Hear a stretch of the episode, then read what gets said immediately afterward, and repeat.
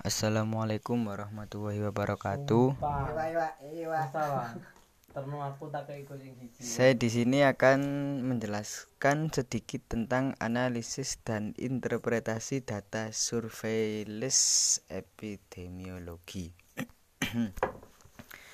Surveillance adalah pengumpulan, analisis, dan interpretasi data terkait kesehatan yang dilakukan secara terus-menerus dan sistematis yang kemudian didiseminasikan, disebarluaskan kepada pihak-pihak yang bertanggung jawab untuk digunakan dalam pencegahan penyakit dan memperbaiki masalah kesehatan lainnya. Surveillance memantau terus-menerus kejadian dan kecenderungan penyakit, mendeteksi dan memprediksi outbreak pada populasi, mengamati faktor-faktor yang mempengaruhi kejadian penyakit seperti perubahan-perubahan biologis pada agen, vektor, dan reservoir. Selanjutnya, surveillance menghubungkan informasi tersebut kepada pembuat keputusan agar dapat dilakukan langkah-langkah pencegahan dan pengendalian penyakit. Surveillance harus cukup akurat dengan analis data yang lengkap. Surveillance kesehatan masyarakat merupakan instrumen penting untuk mencegah outbreak penyakit dan mengembangkan respon segera ketika penyakit mulai menyebar. Seperti yang telah dijelaskan di atas, ada lima komponen utama dari kegiatan surveillance epidemiologi. Yang pertama, pengumpulan atau pencatatan kejadian yang dapat dipercaya. Yang kedua, pengelola data untuk dapat memberikan keterangan yang berarti. Yang ketiga, analisis dan interpretasi data untuk keperluan kegiatan. Yang keempat, perencanaan penanggulangan khusus dan program pelaksanaannya. Yang kelima, evaluasi dan penilaian hasil kegiatan.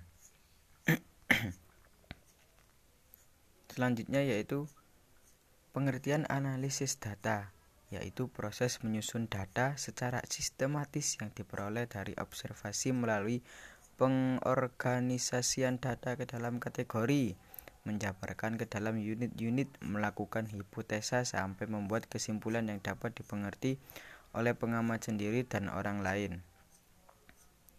Fungsi dari analisis data yaitu untuk mengidentifikasi ada tidaknya masalah sebagai bahan masukan untuk pengambilan keputusan, perencanaan, pemantauan, pengawasan, penyusunan laporan, penyusunan statistik.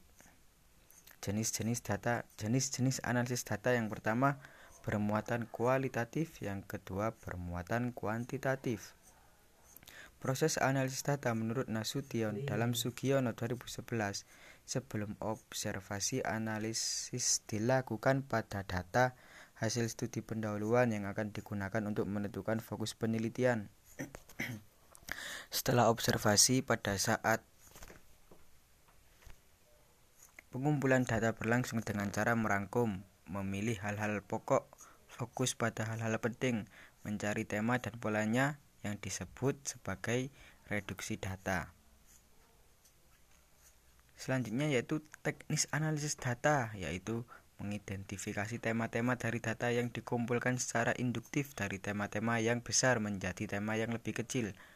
Untuk setiap tema ataupun kelompok data dapat dibuat kode misalnya kode untuk perencanaan pelaksanaan evaluasi maupun hasilnya.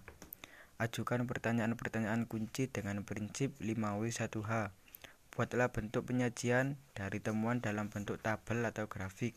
Kemukakan apa yang belum atau tidak ditemukan dalam penelitian, kemudian identifikasikan.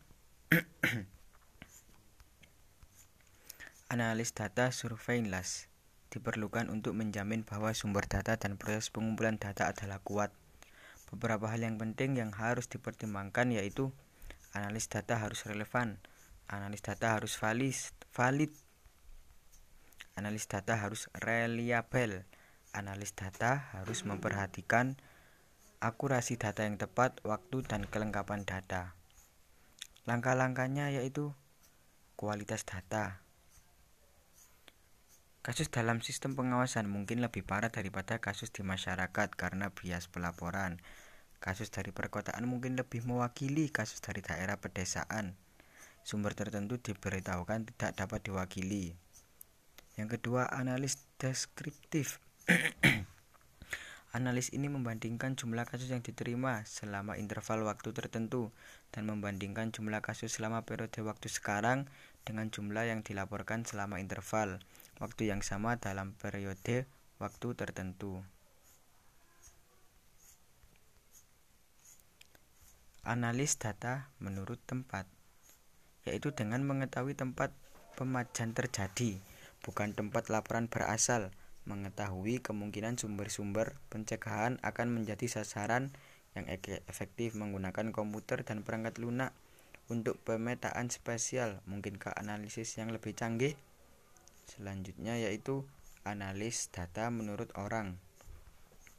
Analis ini menggunakan data umur jenis kelamin rasa atau entitas status perkawinan semua data ini dari orang tersebut harus lengkap untuk dapat mengetahui sebab kasus Interpretasi data merupakan suatu kegiatan yang menggabungkan hasil analisis dengan pernyataan kriteria atau standar tertentu untuk menemukan makna dari data yang dikumpulkan untuk menjawab permasalahan pembelajaran yang sedang diperbaiki. Penafsiran data sangat penting kedudukannya dalam proses analisis data. Penelitian karena kualitas analisis data dari suatu penelitian sangat tergantung dari kualitas penafsiran yang diturunkan oleh penelitian terhadap data. Fungsinya yaitu untuk mengevaluasi atau merefleksi proses hasil perbaikan pembelajaran yang dilakukan. Teknik-teknik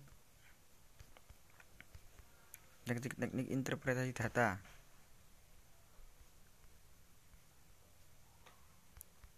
Ada berbagai teknik dalam melakukan interpretasi data antara lain menghubungkan data dengan pengalaman peneliti, mengaitkan temuan, memperluas analisis dengan pengajuan pertanyaan mengenai penelitian, meminta nasihat teman sejawat jika mengalami kesulitan. Survei jelas adalah proses pengumpulan, pengolahan, analisis, dan interpretasi data secara sistematis dan terus-menerus serta penyebaran informasi kepada unit yang membutuhkan untuk dapat mengambil tindakan data yang telah disusun dan dikompilasi Analisis data diperlukan untuk menjamin bahwa sumber data dan proses pengumpulan data adalah adekuat. Untuk menganalisis data, kita harus memperhatikan beberapa hal. Apa keistimewaan atau kekhasan data yang didapat? Memulai dari data yang paling sederhana ke data yang paling kompleks, menyadari bila ketidaktepatan dalam data menghalangi analisis yang lebih canggih. Jika ada data yang bias, maka data tersebut tidak perlu digunakan.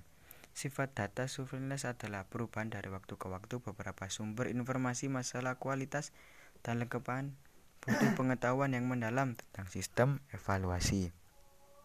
Ya, itu tadi sedikit penjelasan dari saya. Akhir kata, wassalamualaikum warahmatullahi wabarakatuh.